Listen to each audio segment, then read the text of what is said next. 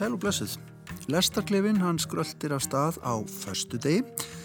Við ræðum eins og venjulega eitthvað þrent, græsilegt eða forvitnilegt úr menningar lífinu sem við tökum og verum fram hér í lestarklefanum. Eh, ég er búin að fá til minn eins og venjulega góða gesti. Það eru Halla Margret Jóhannesdóttir, leikona og verkefnastjóri og starfsmæður hjá listasafni Reykjavíkur Eirikur Steffensen, verkefnstjóri við Háskóla Íslands og, og mistarnum í tónsmíðum og Marja Elisabeth Bragadóttir rittöfundur og það er eiginlega verður að bætaði við að Halla Margret og Eirikur eru líka rittöfundar það er, er nóga bókum á Íslandi allavega og gaman að því. Takk öllsumul fyrir að koma í lestaklegan þessa vikuna. Við ætlum að ræða myndlist, tónlist og ljóðlist í sjónvarpi í dag í lestakleganum og Gæsti mín skoðuðu myndlistarsýninguna Hlutbundin þrá í gerðarsafni í Kópavogi, sjónvarstáttaseríuna Ljóðamála á Almannafæri á N4 sjónvarstöðinni í umsjón Áskis H. Ingólfssonar og lokslustuðu þau á plötuna Lessons með pianistanum Inga Bjarnar skúlasinni sem er á bandkamp og reyndar víðar er til á geisladisksformi líka og er líklega svona á leiðinni eitthvað að lögunum minn á fleiri tónlistarveitur. En við ætlum að byrja á ljóðlist í sjónvarpi og það er kannski ekki alltaf sem að ljóðlistin byrtist okkur í sjónvarpi. Eh, ég veit ekki til þess að dasgrárefni á sjónvarstöðinni N4 hafi verið tekið til kastana hér í lestaklefanum fyrir en núna að ég bað gesti mína um að horfa á nýjan þátt sem að er að hefja ykkur sína þessa dagana á þeirri sjónvarstöðu og heitir Ljóðamála á almannafæri og og er ljóða myndbandaháttíð sem að hófst á sjónastöðinu bara hérna á þriðjudag. Fyrsti þátturinn fór í lofti þá annar þáttur í gær á fymtudegi 17. júni segi svo að lestaklefin sé ekki með puttan á púlsinum. Eh, ég reyndar fekk lekki fyrir gesti mína til þess að horfa á þetta á netinu. Og þarna er ljóðskáldum og kvikmyndagjörðumönnum stemt saman til að búa til ljóðaháttíð fyrir sjónvarp og nett Umsjónum að þáttana er Ásker H. Ingólfsson eins og áðursaði og hann kynir ljóðamindböndin á samt Arnheiði Eiríksdóttur. Ásker heldur úti fyrirbæri sem hann kallar menningar smikl og er ímiskonar menningar umræða þar sem hann ber fram á netinu og þetta er framleitt af menningarsmikli í samstarfi við Urban Space Epic. Fyrst að þér er ykkur, hvernig fannst þér að, að hérna, kíkja á þennan íslenska heimilisiðna þegar við ekki kallaða það eh, ljóða mynda myndbanda hátíðina, ljóðmála. Já, mér fannst þetta mér finnst þetta góð hugmynd að stefna þessu sanna saman og hérna og uh, var náttúrulega aldrei spentur og þannig er ljóðskáld, mjög góð ljóðskáld sem að sem að ég kannast við en ég kannast við færri af þeim sem að uh, gerðu myndefnið. Já í þessum fyrstu þreymur þáttum. Já, í þessum þáttum sem við horfum á. Og hérna eh, ég verða að segja að mér fannst þetta ekki alveg gangu upp. Eh, ég, ég veit svo sem ekki hvaða væntingar uh, hvort að það skipti máli hvaða væntingar ég hafði. En mér fannst svona uh, myndskreitingarnar oft uh, svona tengingi við ljóðin kannski ekki alltaf augljós og, og hérna, uh, en, en sumt var bara príðilega gert og, og gaman að heyra ljóskaldin lesa. Uh, og svo alltaf eins og gengur höfða ljóskaldin mismunandi tilmann sem ég varst nú, það er Marja Ramos og, og Bergþóra, það er svona Já, það er snertu mig mest af þessu. Já. Og kannski gaman að það er vitnuð báðar í Kristínu Ómarsdóttur sem svona mögulegan áhrifavald eða e, já, eða svona eitthvað sem það er leituð í Þannig er fólk einmitt aðeins að lesa úr sínuverkum en síðan öllítið að, að benda áhrifavalda og kannski grýpa í bækur, bækur Já, það, en það reyndar er mismikið um það, sko, sumir lesa upp ljóð eftir, eftir áhrifavalda, það er að gera það ekki heldur láta næja nefna þá. E, Eitt sem ég fannst aldrei gallið við þetta og kannski settum við úr stuði var að kynningarnar fannst mér frekar langar og eh, svona kannski ekki alveg fókuserar þær, þær, þeim leiðist eins og okkur hér kannski að fara út um víðan völl. Og ég svona átt að mikið alveg á, á stundum hvert þau voru að fara með þeirri umræðu. En, hérna, en eins og ég segi þetta, mér finnst þetta skemmtileg tilraun og, og, og sjálfsagt þetta útferða þetta áfram. Einmitt. þetta sjómasefni sko. Sko þetta átt að vera ljóðu lista hátíð og, og áskir fær styrk, einhvers konar COVID styrk skilst mér í það að, að búa þetta til sem hátíð mm. og þá í holdinu, gerum við ráð fyrir, mm. en, en síðan er farið þessi leið að búa til þessu. Uh, virknin millir sjón, hérna, sjónvasefnisins eða það er að segja myndefnisins og hvernig lesið er halla sko hérna hvernig, hver, þetta er bara varandi rithmá vegna þess að fólk lesa ákveðnum takt, í ákveðnum takti. Mm. svo er kannski einhver allt annað taktur í myndefninu. Já. stundum tekur myndefni frá manni stundum er það reynd að láta fylgja efni Já, við myndskreiting Já, nána myndskreita efnið. Að fara eins og leiður auðvitað. En sko ég verð bara að segja hérna áður en ég kemur nú þetta að, hérna, að mér fannst, ég, sko ég fagnaði svo að ljóðið fái þennan, þetta svið Já. inni á netinu, inni í sjónvarpi og ég held að nefnilega ljóðið eigi svo mikið inni sem sko listform með mynd, með hljóðum Já. og hérna þannig, þannig að, hérna, hvað heitir hún Tempest, hérna Já. bara þú veist, hvernig fólk flytur ljóð og, og það, það, ég held við eigum svo mikið inni þarna að við erum, og maður sér það nefnilega, það kristallast svolítið, maður sér svona höfund eftir höfund, að við erum kannski svona já, það mætti alveg hugsa og, og, og og pæla svolítið út hvernig erum við að miðla ljóðinu mm -hmm. þegar við, það er komið í fysiskt form mm -hmm. sko, frá höfundinum og til áhörendans að því að það er ekki bara að lesa það upp ljóðið er svolítið einhvern veginn þannig, þannig form að það, það krefur okkur um hægagang Já. og ég verði að kynna fyrst þegar ég horfið þá bara fór ég svo mikinn hægagang að ég sopnaði Já. en að ég horfið nokkur sinnum á að, að, og, og líkaði betur og betur í rauninni eftir sem ég hlustaði meir. Ég, ég fannst svona myndefnið ekki alltaf endilega alveg hjálpa mér. Ég þurfti stundum á loka ögunum. Já. Mm -hmm. Hvað segir þú Marja? Já. Nei, ég nákvæmlega stóð sjálf mig líka því að vera að, þú veist, ætla að horfa á þetta mm. en vera alltaf að svona kvika augunum frá skjánum mm. og hérna og það kannski svona segir eitthvað en, en það gæti líka verið það því að þú veist, það var einmitt svona ljóðabækur eins og Flórida eftir Bergþóru, hún var að lesa upp Flórida mm -hmm.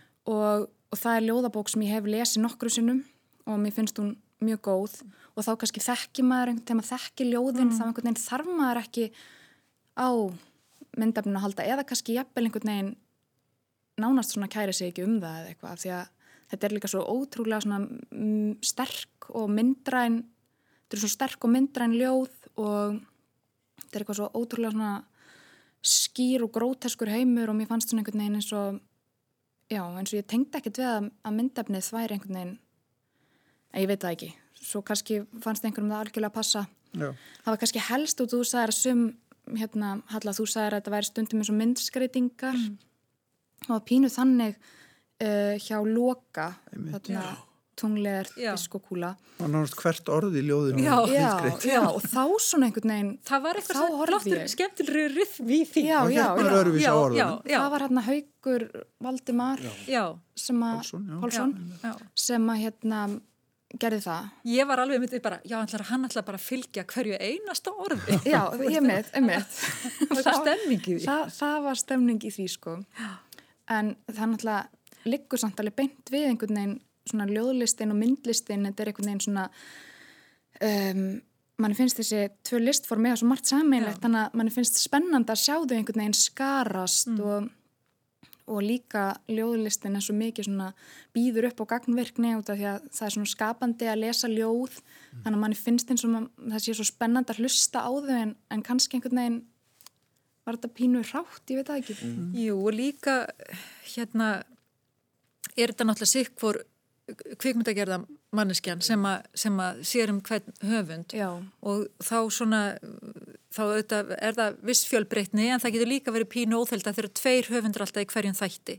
Og svo aftur á móti er þetta sett upp sem að þau sem að, ef maður fer bara í svona að pæli þættinum sjálfum sem að gest, eða sérst, uh, gestgafinnir Þetta kærulesislega svona Já, og það, það, það er hérna, sko, ég, mér finnst það bara alveg, það, það hefur ákveðin sjarma, en það heldur bara manni vist langt. Þa, það er einhvern veginn það þegar þú ert búin að segja en, en uh, snúum okkur, það hafa búin að segja en alveg 30, se- eða sko, þú ert það er einhvern veginn svona, þannig að þá finnum maður líka fyrir þessu sem að heiti bara hreinlega þáttagerð, sem að og, e- og sem að að- kynna. Já, já, og sem að, já, að kynna og sem að, sem að sprettur ekkert eitthvað bara út úr engu. Nei, þetta er svolítið hvernig ætlar að byggja undir það sem að áhorfandin er að fara að eh, skoða Já. og hlusta á. Hvað er það sem að, hvað stemningu viltu skapa áður en það fyrir gang? Mér fannst hef- ekki rosalega mikið verið að selja manni þetta. Nei. Nei. Það er að segja, sko, ég tók bara eftir að strax í þriðja þætti þegar við erum að kynna inn, sko, innkynningu í þriðja þætti, það var strax svona daldið eins og það sé um 20. þáttaræða. Já. Svona, já, við höldum áfram að þessu Já. hálfreitt á strax Já. í þriðja þætti, sem er eh, kannski Já. ósækjant að mér, en, en, en það er kannski aðeins að taka betur utanum þetta svona af þáttastjórnunda hálfu Jú. Þau eiga bara fullt inni Akkúrat. og þau eiga fullt erindi. Já, já. Mér finnst það alveg, sko, ég mænum að finnur fyrir bara þessum, þess að, hérna, bara það að gera þetta. Að það, það segir mann að það er ástriða baki, en svo kannski bara hvernig umbreytur henni Já, þegar þú ert komin í sett. bara aðeins meira handrita vinnu Já. fyrir þáttinn svona Það hefði kannski verið spennandi að fá einhverja svona tólkun hjá þeim eða greiningu á ljóðunum til dæmis. Bara eitthvað aðeins að tala um þessi. Já. Eitt sem ég hugsaði, að þessi gamla tugga, ljóðið rata til sinna og ljóðið er alltaf þess að rata til sinna, ég meina það er við um bara, maður er alltaf um hissa hérna, við fáum náttúrulega ótrúlega margar bækur sendar hérna upp til í, í ríksútarpið og ljóðabækurnar, ég meina það er bara eru í bunkum, þú veist, á hverju ári og manni finnst það alltaf aukast. Þannig að vissulega er að lítur að vera eitthvað públikum hann úti sem er að kaupa þessar bækur og, og hérna, það er stemming fyrir ljóðinu og maður sér að það er svona aldrei gert. Ljóðskaldum er aldrei lift, það er hérna byrta myndir að þeim þegar við skrifum undir útgáðusamninga á Facebook og svona, þetta er aldrei gaman að þessu reglulega að byrta já, algjörlega, ljóðsins þannig að það er, það er sláttur sko, en svona þáttur sigrar hann einhvern sko, einhvern sem hefur ekki áhuga á ljóðinu? Hann rati bara til þeirra sem Rat- þegar hafa Já, áhuga. opnar þetta, haldið þetta þyrti að vera eitthvað, það þyrti að vera eitthvað eins og segir, eitthvað svona kats eða sel í þessu, svona eitthvað, eitthvað svona krókur. Já, Já, kannski Til fær að- þetta líka bara enga dreifingu en Nei, en það er bara- kannski nei- ekki á þannig stöð heldur að það nei, sé- nei, nei, nei. Já, en það hafa svona einstakar sem rata til maður sé eitthvað svona þættir frá N4 þó maður sé ekki með þá alveg eitthvað á reglulegu áhorfi. og margir eru með þetta, þetta er svona Já, það sem kallar á einsku daytime TV þetta er svona, Já. þetta er það sem mallar svona yfir daginn hjá fólki en þannig að það, mér finnst bara, mér finnst að þau halda áfram og ég, að því þú segir þessi hátíð, ég upplifi þetta líka því að maður er oft svona eitthvað að fara í gegnum netið og sér þá eitthvað, eitthvað þú veist, á YouTube, já, og dettur inn.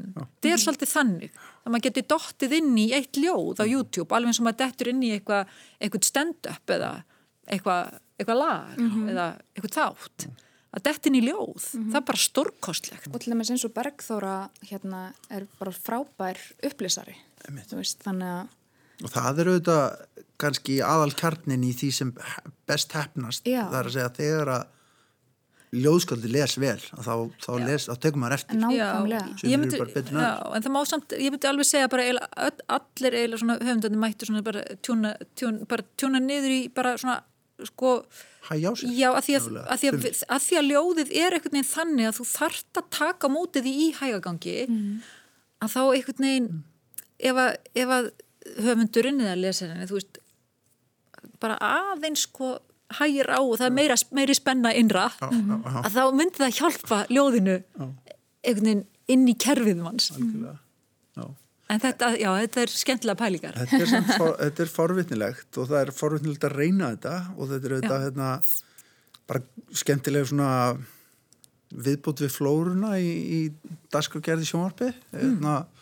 Og svo, svo má þróa áfram mm -hmm.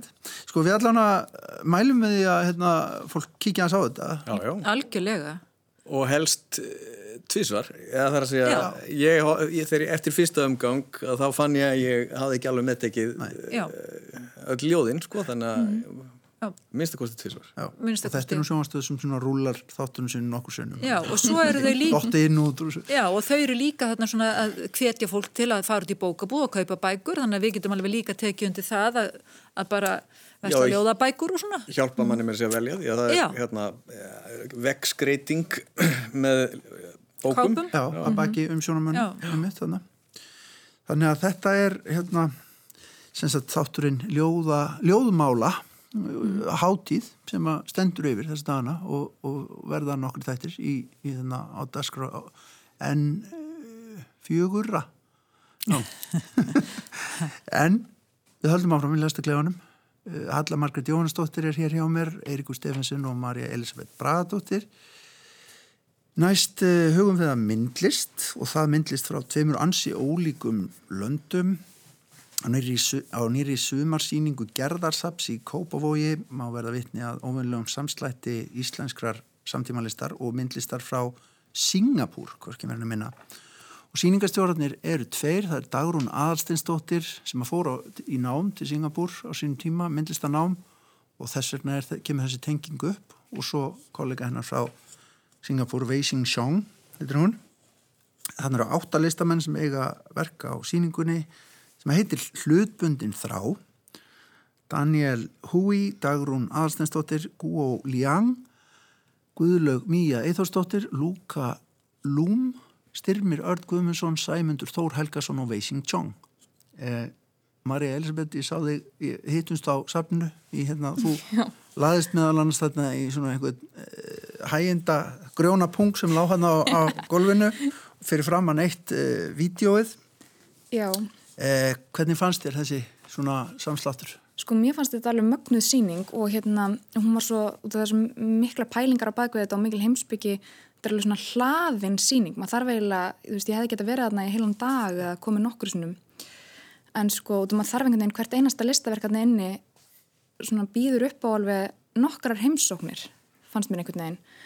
Og einmitt þegar þú sást mig liggja þarna þá var ég að torfa á svona vídeoverk eftir hann að dagrúnu sem er svona kvikmynda dagbók og hérna heitir hún kom til, kom, hún kom til dvalar er það ekki rétt hjá mér? Mm og, og er sem sagt uh, vísun í bók eftir Simon de Beauvoir sem að hún var fyrir miklum áhrifum þegar hún var, þegar hún var unglingur. Ja.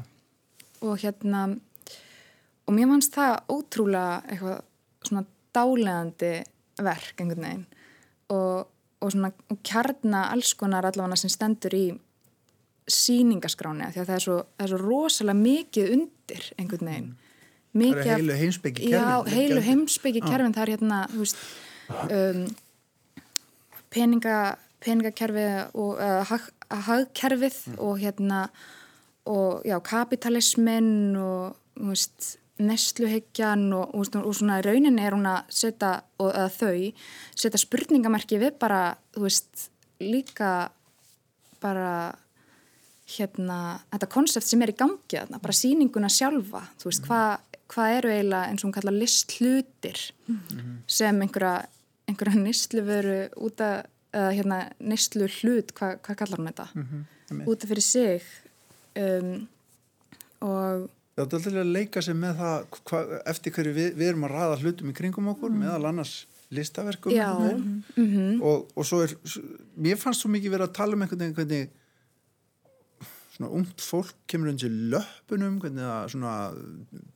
mætir á svæðið inn í, inn í samfélag fullorðina eila mm. sumstar, heilu myndbansverkin gangat alltaf út á það Já, hvernig emitt. þú ég tók eftir setningu þarna var að hluta til svona bandarísku veruleiki þar já. á bakvið að, að þetta með ameríska draumin snúist fyrst og fremst um að skuldsetja Skuld, Já, ég mhm. tók eftir þessu líka Daniel Hui þarna mhm. andi dýrana þessi stuttmyndum ást og hagfræði. Já. og að með því að lifa í skuld og með því að lifa eins og hann kalla on borrowed time Já. eða semst bara í, á yfirdrætti að þá væri hann að lifa ameríska draumin og líka hvað ást og peningar eiga sameinlegt Já. að þurfa að vera á reyfingu því annars verður einhvern veginn, verður hvortvækja einhvern veginn óreint Já. eða órengast já, já, já, og, veist, og, þetta sé þetta sé að setja sömu lögmál eða veist þetta geti hérna já, átt eitthvað sameinlegt og þennan hátt er svo eitthvað svona, svona trubluð pæling en, en samt eitthvað svo flott.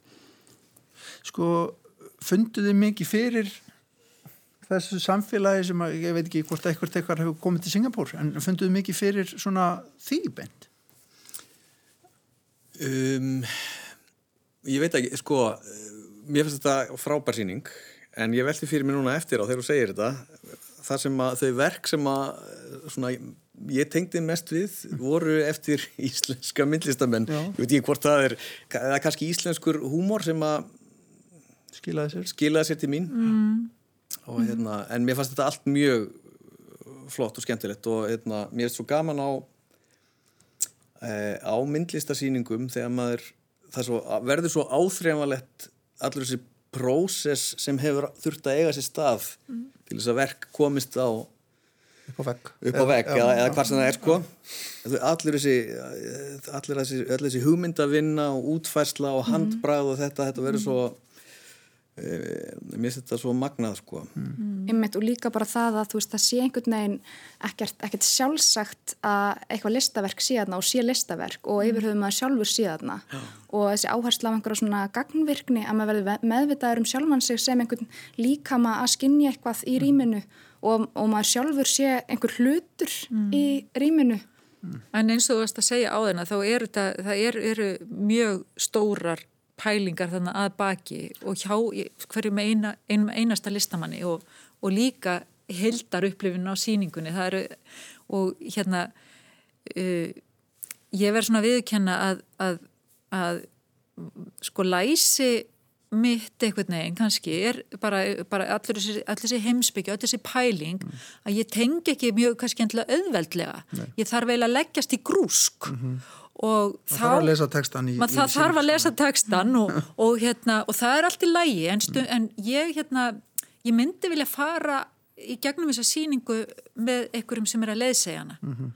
Ég, ég fæ svo mikið kikk út í því þegar, þegar einhvern veginn frásögnin uh, bætist við að ég fæ að, að það er einhver sem segja mér einhver sem gefur mig einhverja likla inn í þennan skilning þannig þannig þá slepp ég bara líka við að, að, hérna, að lesa kannski svona mikið en, en, en að því að þegar maður mætir verkinu bara strípuðu Já. að þá upplifi ég stundum bara ups, nú er ég bara að missa einhverju nú er bara eitthvað sem ég veit ekki og skil ekki og kann ekki og upplifi svona svolítið einhvern veginn, kannski svolítið vitlösa En- En má það ekki bara? Veist, Jú, jú. það, er það ekki bara allt í lægi að maður sé pínu vopnalaus frammi fyrir Jú, en það er, það er svo gaman þegar einhver er búin að, svo, svo er einhver búin að gefa manni liklana og gefa manni eitthvað svona og eða maður er búin að hérna, setja sig inn í hlutina að þegar kemur þetta, já. En svo er líka kannski einmitt þessi meðvutund um að maður skilji ekki eitthvað sem, em, þau, eða sem þau eru að tala um. Já, þú veist, að maður sé alltaf einu stattur í einhverju svona menningarstofnun og það, það einhvern veginn móti svo mikið afstöðuna manns. Þú veist, maður veit einhvern veginn að maður á að horfa á þetta og, og mann er á að finnast einhvern veginn mikið til þessa verks koma. Mm. Því þetta allavega, er... eða allavega að taka afstöðu. Já, já, Já, já, þú veist, já. Maður, og maður er svona kannski einhverju leiti er afstæðamanns fyrirfram mótu af því að þetta er bara svona hlaðið umhverfi. Og við erum sjálf einhvern veginn hla, hlaðin af einhverju sögu og þú veist, svo, já, Já, ég ætla að taka undir þetta með sko, hérna, þetta skilningsleysi af þessu leiti ég byrjaði að ná því að lesa kynninguna á vef gerðasaps og, og upplýði mig bara sem uh, óupplýstan Ég verð að segja það, ég, mér fannst sá texti ekki alveg nú opnandi. Nei, og, og í því framlega því fór ég að hugsa sko ef við bara tökum í stóra saminginu að hérna að list eru þetta fyrir alla og sem stak í því mengi þá fannst mér þetta ekki alveg bjóða mig velkomið sko. Og, og þá fyrir að hugsa um sko afstæða fólks til uh, listamanna eða listamanna laun og það er verið að hérna, mér varst ekki verið að brjóta niður neina múra með þessu. Og, og það vildi henni til að fyrra skipti sem ég fór á síninguna, ég þurfti þess að fara döl það tók svo mikið á sko. Nei, að þá hérna þá voru þrjár ungar konur hérna, með leiðsök fyrir unglinga. Já.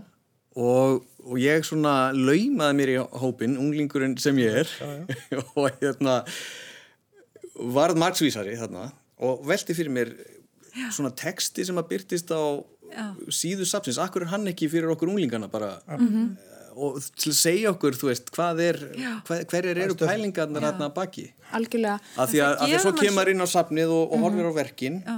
og, og maður á samt í erfileikum með að átta sig að því sko hvernig tengist þetta verk þessu, þessum texta sem ég var að lesa sem ég skildi ekki alveg Já. að því að hugtökin voru einhvern veginn Einmitt. að þeir eru ekki ennþá búin að þýða þau í höstum Já. á mér Mér fannst ég fá svona sterka tilfinningu fyrir þessu öllu þegar ég horfði á þessi tvö vídeoverk hérna, Já. uh, Andi dýrana og síðan hérna um, sem ég man aldrei hvað heitir Jú. eftir Boer hana hún kom til dvalar Já, já, já, jú, Já. akkurat En ymmit, ég er nefnilega hlusta á þetta viðtali viðsjá sem að þú tókst Einmitt. við hana Dagrúnu.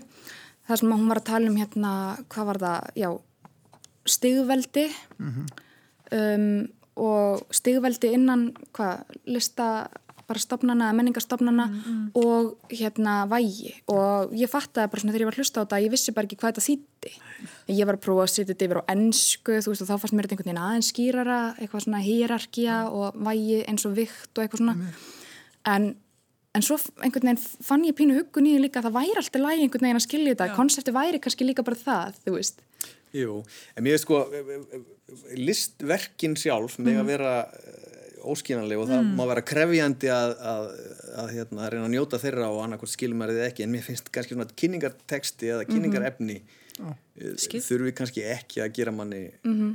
jafn erfitt fyrir Það voru líka Svo- bara svo margar hugmyndir, þú veist, eins og bara í einni setningu allt í hérna kemur fyrir sko fagurfræðilega alræðisíkja.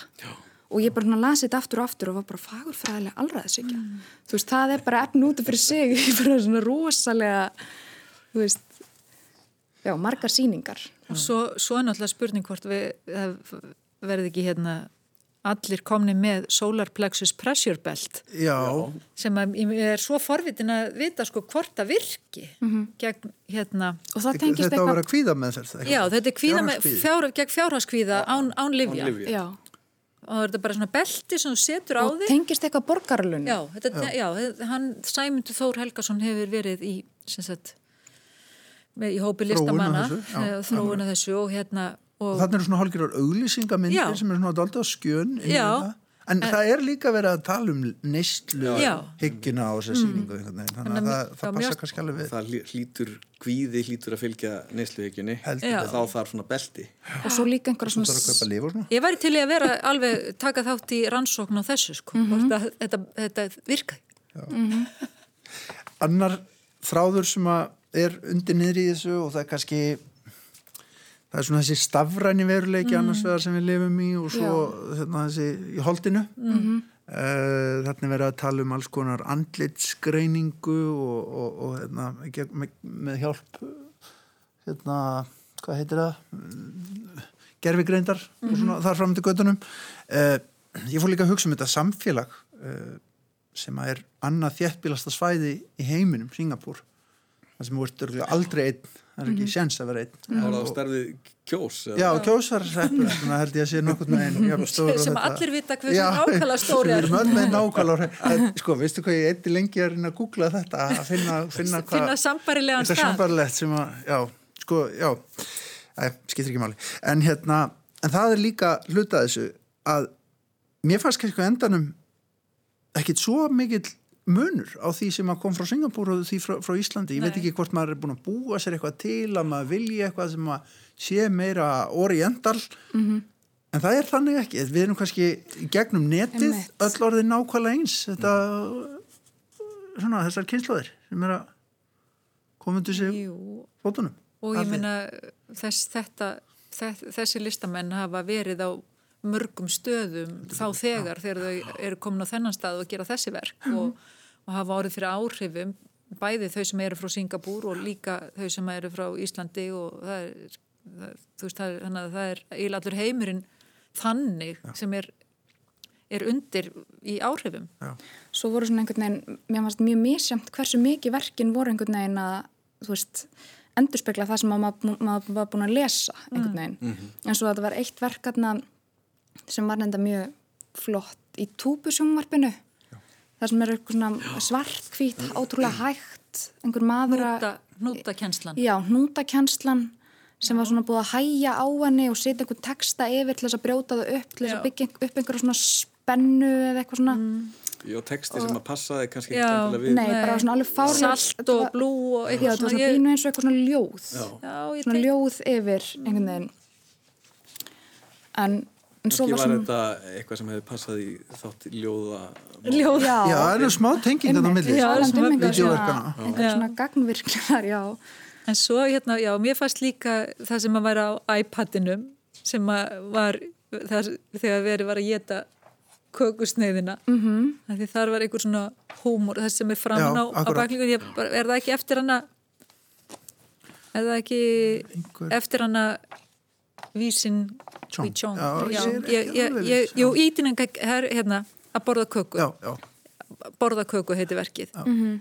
þá, Bor, hún er borðið með höndunum hún er borðið með höndunum og það er, var ótrúlega svona dáliðandi Ég, það var svona verk sem það dró mig Já, það var eiginlega það sem ég festist mest Já, því að stundum eru verk sko að þá, þá, þá þú, þú tekur á mótið þeim mm -hmm. og þau svona fjarlæði vegna þegar þið finnst þú þurfa að fara að hugsa og setja eitthvað í samhengi Já. og skilja veist, ég upplifa stundu þannig. En þetta var svona verk sem ég bara ég svona sogaðist einhvern veginn En sogaðist ekki inn í kvikmyndadagbúkina þannig á dagrúnu þar sem hún var að tala um einhvern veginn hvernig bara ekki á sama hátt þetta, þetta Mér fannst það nefnilega eins og svona leðsum ég var alveg bara svona, hefði geta hort á það tviðsvar í röð Þetta er svona mismöndi virkni sem að hérna, þetta hefur. Síðan, síðan er eins og þú varst að tala um húmórin Eiríkur að hérna, Styrmir Örd Guðmundsson er þarna í Fraklandi að mála þetta fræga uh, fjall sem að Cézanne eitti margum árum í að hérna, mála málverk af Já. og er eitthvað vandraðast í hlýðum þess Já og svo með og, videoverk líka með videoverk og, og, og svona stórkustlegt ferðalag sem Já. að kemur út úr því mm -hmm. þannig að það er líka húmor í þessu, þetta er ekki mhm. allt háalvarlegt. Já, og líka í hérna bútasömsverkinu, hérna Guðlögar. Já. Já, það sem að, ég var bara komin á fullt að reyna að Já. para saman mm -hmm. og að reyna átt að með hvað fengi ég nú út úr því að para saman þessi tákn sem mm -hmm. við áttum að para saman. Mm -hmm. en þetta er svolítið merkilegt og það er svona alltaf verið að draga mann ekkert í einhverju vittlis en við erum alltaf að leita einhverju samhengi og einhverju merkingu en svo er það kannski akkurat það sem að verið að krefja okkur um að við séum ekki að leita að, að, við, að við sættum okkur við samhengisleysi og við sættum mm -hmm. okkur við merkingarleysi sem er bara hræðilt fyrir manneskuna mhm. Við erum alltaf að reymbast til þessi blessuð merkingu. Alveg rétt og svona einhvern veginn að þessi hugmynda þessi list, að listaverk séu hlutir sem við erum búin að fylla með einhverju þrá já, og merkingu já, og, og, og það er leðandi eigum við eftir að verða fyrir einhvers konar vonbröðum af því við munum kannski ekki skilja þau til fullnustu já. eða þau munum einhvern veginn ekki ná að nokkuð tíman fullnæja húst mm. þráni mm. eða þannig mm -hmm. Þetta er einmitt aldrei heldur líkil aðdreið gagvart samtíma list stundum að það er að sleppa tækinu sko. að hérna einmitt að vera ekki alltaf að, að rempast við að býtu hvað get ég lesið í þetta, hvað get ég lesið í þetta? það er einhvern veginn að fljóta í þetta svona eitthvað svona viðurkenna tálsýnin eða eitthvað þannig. Mm. viðurkenna þetta er allt tálsýn að lífið er tálsýn eins og ef maður þannig að gera listamönnum upp alls konar já, í gegnum já. þessa þörf sína til þess að já, sjá út einhverja merkingu. En það er sko og svo stundum finnum maður merkingu og stundum ekki. Og kannski að maður er með stundum líka hlað einhverju miklu meiri merkingu utan á verk sem er kannski ekki endilega eins og til staðar en maður gerir það öruglega með þessu sem maður listamenn vilja ekki ræða mikið já, um verkinguleg verkar já, já. og það er öruglega þannig að líka bara með öll listaverk líka bækur og ljóða þú veist þeir sem að taka við í hlað alltaf einhverju öðru utan á. Já og það er kannski ef, að, ef maður fær eitthvað út úr því að þá er, þá er það bara fínt. Nákvæmlega. Nákvæmlega. Og eitthvað allt annað en Já. en átti að vera Já, skildur þetta svona, -hmm. allt í lagi gott hjá þér -hmm.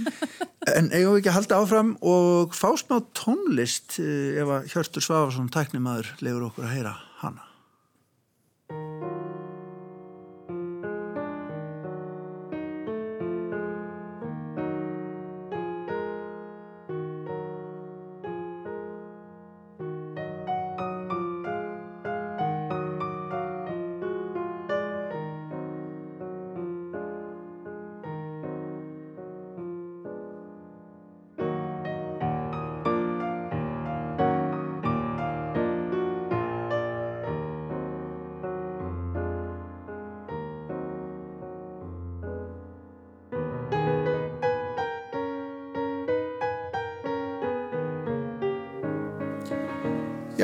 Já, síningin hlutbundin frá, hún er áfram í eh, gerðarsafni í Kóbói og verður. Eh, við ætlum hins vegar að ræða tónlist sem er hér hljómar undir. Eh, þetta er Ingi Bjarni Skúlason að leika einn við pianoið af plötu sem að heitir Lessons. Ingi Bjarni Skúlason er píjónuleikari og tónskáld. Þessi plata er hans fjórða plata. Hann hefur reyndar gefið yfirleitt út með öðrum fyrstu tvær plötunar héttu Skarkali og Fundur og voru píján og tríó plötur síðan kom árið 2019 plata sem heitir Tenging þar var kvintet á ferðinni. Og loks er þessi nýja soloplata sem heitir Lessons núna frá 2021 en tekin upp á síðasta ári. Já Við vorum nú að fá smá tölur hérna um útgáfu á íslenskri tónlist um daginn hjá Rás 2 á síðasta ári og hún sko sprengir öll með. Það bara hérna, Íslendingar eru bara að senda frá sér tónlist sem aldrei fyrr og þetta er held ég taldi COVID viðbrað finnst manni hjá hérna, Inga Bjarnar mm. að sitta einn heimi á sér og skrifa þetta einhver leiti út en kannski improvisera líka uh, Halla Margrit, hvernig fannst þér að, að hérna, vera í þessu, þessum hljóðheimi? Mér fannst þetta mjög fallegur hljóðheimur og hann var svona segðandi og, og ég uh, uh, ég svona var fyrst sko það er bara svo, það er svo mikið makíka að, að byrja að hlusta á eitthvað nýtt mm. sem maður ekki heyrt áður.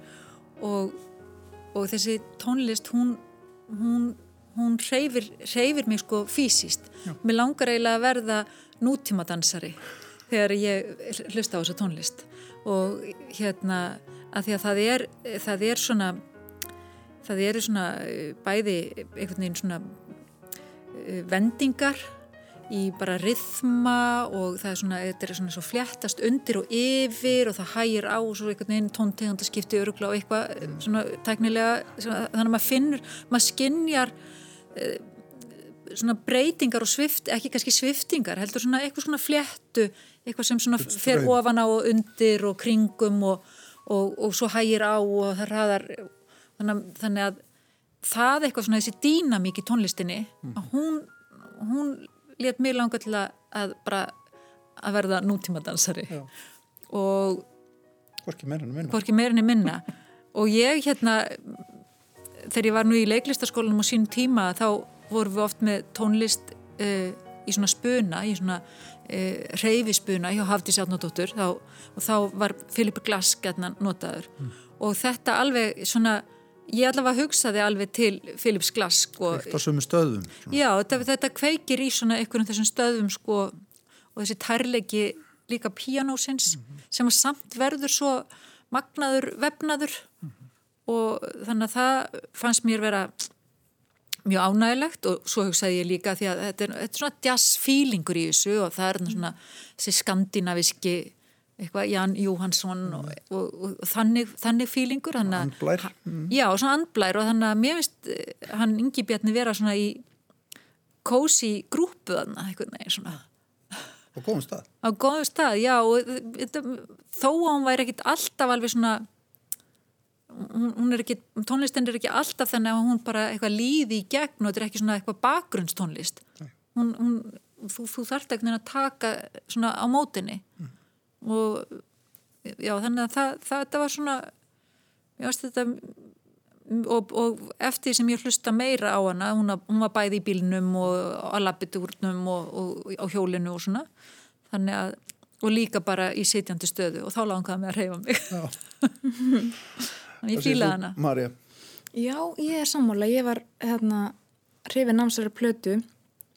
Um, ég reynda sko, ég var, ég fekk þess að Janssens brödu. uh, það var bara fínt, en, en ég fór samt alveg á þess að sóttar sængarna og hlustaði á plötuna þá.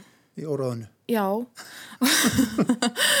og þá sko hafði það svona sérstaklega fyrri hlutið plötunar til mín, kannski að því að hún var svona ég veit ekki hvort þið séu sammúlega mér svona, mér fannst hún svona melankólískari eða einhver svona harmrætni tótin í byrjun sko mm. um, en ég var hrifin af henni sko sérstaklega kannski fyrirlutanum ég veit ekki hvort það hefur verið að fyrir ég var svona veik og að vorkena mér já. Eiríkur, hvað segir þú? Já, ég, mér finnst þetta alveg geggjuplata ég, hérna er búin að hlusta á hana oft. En Ég er alveg sammálaður, ég, fyrri hlutin höfða meira til mín. Það var eitthvað svona, eitthvað svona, svona drungi og svona mystík og... Já, og ég var þó ekki með meira óráði en ég er dagstaglega. En, en hérna, mér finnst, mér finnst hún svo, þetta er svo, mér finnst svo frábært hvernig eh, hann svona lætur ekki eh, setja sig í eitthvað boks, sko. Þetta Já. er, þetta er svona, eh, hans, hans eh, bakgrunnur í djassi heyrist alveg, en þetta er ekki djass, tónlist þannig.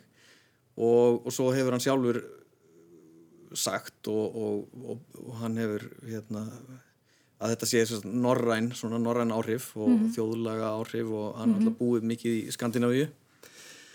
Og en mér fannst ég líka að heyra sko franska píanotónlist og rústneska þú veist, jafnvel Rachmaninov eða ég veit ekki sko en mér fannst þetta svo og það er það sem að gaf mér alltaf eitthvað við hverja hlustun sko að það er eitthvað nýtt sem maður tekur eftir og, og hérna eh, þannig að mér finnst þetta bara já, algjörlega frábær plata, ég mm. að segja það. Þetta er áhugavert að reyna líka að lesa í það og meðan maður er að hlusta að meðvitaður alltaf um það hvað er skrifað, hvað er saman og, og, og Hvað er er improvisera, hvernig sleppar hann takinu ég, ég, stað sko. ég fór einmitt inn á Facebook síðun hans Já. og þar hérna á einhverjum einhver tíman í COVID-unu og þá hvort það var í apríl eða eitthvað mars eða apríl að þá, þá hérna þá svona var hann að greinlega fara inn í spunan og, og, og, og sem sagt, spann á hverjum degi, var með improvisjón á hverjum degi og, og valdi svo einhverja tíu.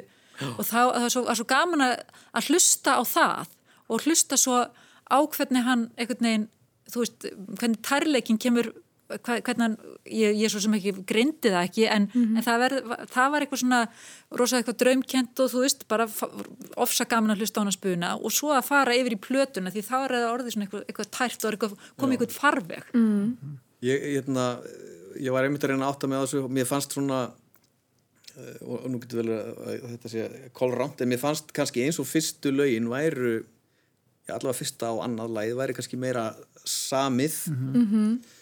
Og hérna um, en ég, ég veit það ekki, sko, það er þetta að segja. geta, geta, geta, geta sér til um það. Svo fannst mér svolítið merkild að ég googlaði nú eitthvað svona og fór að skoða hana eins og þá sá ég að hann með heimasíðu og svona og hann er kannski eins og þú segir bara búið mest erlendis og, en, en það, og heimasíðan hans er á ennsku og svona ég var bara að hugsa þú veist hvort að tónlistamenn almennt sko væru bara, þetta væri orðið þeirra tungumál. Já, en samt eins og sko titlarnir á lögunum þeir eru til skiptis. Já, já, tók eftir því þessu, Já. Og norrænum málum líka, já, já, já, nákvæmlega. Þannig að ég fór eitthvað svona að hugsa bara já eru íslenski tónlistamenn er þetta, er þetta orðið svona þetta er náttúrulega orðið svo landamæra laust Já. Já, Já. hans markaður er ekki endilega Ísland Nei, greinilega, nei, nei. Og, og, hérna, og, og fólki sem hann spilar með er ekki nei, yfirleitt kannski ekki. Já.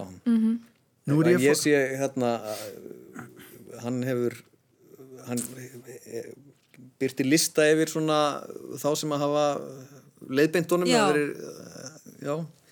Og það er þarna eh, mér erst gaman að sjá nafn Anders Jormín sem er sænskur kontrabassarleikari það vil svo til svo ég, mér tekist nú að miðsitja sjálfa mig sem maður reynir að þátturinn ára búin og að hérna, ég bjóði mitt í Gautaborg uh, sjálfur fyrir svona 20 árum. Og þá var alræmdur jazzklúpur þar sem að því miður er ekki starfrættur lengur það sem að maður sá þessa snillinga og meðalans þennan sem að er stórkostlegur sko. mm. og hérna maður heyrir náttúrulega líka áhrifin sko, ég meina, ég er forfallin Keith Jarrett aðdóndi og það er mikill Keith Jarrett í þessu. Og ég, mér skilst reyndar á hérna, vinnufélaga mínum sem að sem að var með Inga Bjarni í skóla að Ingi Bjarni hafi tekið hann nokkur neginn frá A til Ö í, í framhaldsskóla á sín tíma. Þannig að hérna, það er það, maður heyri það, það er hérna, áhrif frá þessu og það, það líka en það líka þessi svona daldið, hvað á að segja, heimilslega sko, þetta, er, þetta er daldið inn hann er daldið inn í sér. Já og algjörlega og þetta er líka COVID-plata. Gerðar laust sko. Það er ekki neinn síndarmennska þetta Nei. er bara alveg og þetta er líka aðgengilegt, veist, þetta er bara svona einhvern veginn, maður þarf ekki margar hlustanir til þess að verða einhvern veginn svona fangin eða til þess að tónlistin fangi mann. Sem að mér finnst já. persónulega líka verið svolítið bara jákvægt Já, tölvert aðgengilega að margt af því sem að blessaði kittjarrætt maður væri alveg til í að hafa yngabjarnastundum bara heima í stofu sko. Já, þetta er svona huggulegt og, Já. en sko, og svo er líka svona spurning kannski aftur af því að við vorum að tala um hvað fólk er hérna feimið og ófeimið við samtímalist það þarf enginn að vera feimið við þetta. Nei, veist, þetta er það, er, það að, að hlusta á svona þess að daldi flæðandi e, hugrænu píanótónlist sem er frjáls í anda ekki, ekki gegnum samin En, eh, já, en þú ert ekki alltaf í sko, þú veist, þessari stemmingu, ég meina stundum þarf eitthvað sem að, sem að Stundum þér meira já, til sko, já. þú veist, sem að slæri þig alveg, þú veist, og bara, þú færði þeir bara hettbanga og bara, þú veist, það, stundum þarftu það. Og stundum er það þetta, þú veist, þegar maður gerist nútímadansari, þá, þá þarftu kannski eitthvað í þessa átina, þannig að það er bara líka mísant hvar, hvar svona, já, þráin mann sér eftir, eftir tónlist og eftir hvað fíling maður svona er að leita leitar eftir. í einmitt, einmitt. en aldrei þið munu setja þessa músík á, í, í, á síðkvöldum eða hvað já, já, já. algjörlega Já, og ég, svona morguntónlist líka. Já, morgun og síðkvöld Morgun, og vinnu, síðkvöld svo, já. þetta nota ná alla, alla mögulega vegu Já, og, það, og akkurat það er, hún, það er svona, já, það eru margir, svona, hvað segir maður, það það eru mörg hughrif sem að maður verður fyrir og svona andblærin er mjög, mjög fjölbreyttur. algjörlega. Eh, við sem sagt bendum bara fólki á þetta sem við erum búin að ræða hér í lestaklefanum á föstu degi Halla Margrét Jóhannesdóttir Eirikur Steffensen og Marja Elisabeth Bragadóttir. Takk hérlega fyrir kominu allsumul við vorum að ræða sem sagt hlutbundna þrá í gerðarsafni Lessons, sólarplötu Inga Bjarna skúlasonar. Og við vorum að tala um sjónvastætti sem eru á N4 og heita Ljóðmála, eru ljóðlista myndband, myndbandsháttíð er búin að hefja göngu sína á N4 um að gera skjótastæðin þangað inn og sko, skoða hana. En ég held að ég velji bara annað lag með Inga Bjarnar skólasinni til þess að slá botnin í þennan ágæta þátt. Var eitthvað lag sem að þið ykkur langar að fá sem óskalag fyrir hlustendur? Munið eitthvað? já, fyrsta læð fannst mér eiginlega best. Já, Mér finnst það líka mjög gott. Láta það hljóma, það heitir Imperfect og er hérna ég tók nánast einmitt perfect, eftir, sko. eftir því, já, er nánast perfekt. En mér varst mjög skemmtilegt við það að ég veit ekki hvort að hlustendur hérna, nemi það alveg en það byrjar eins og inn í tóni þannig að við skulum gá hvað, gá hvað gerist hérna, hvort að fólk nemi það. En það byrjar sem sagt svona en lestaklefanum er lokið. Finnum til þetta lag, Hjörtur Svafarsson tæknimaður þegar ég, hérna, upptökuð er lokið. En takk kærlega fyrir samfélgina í lestaklefanum í dag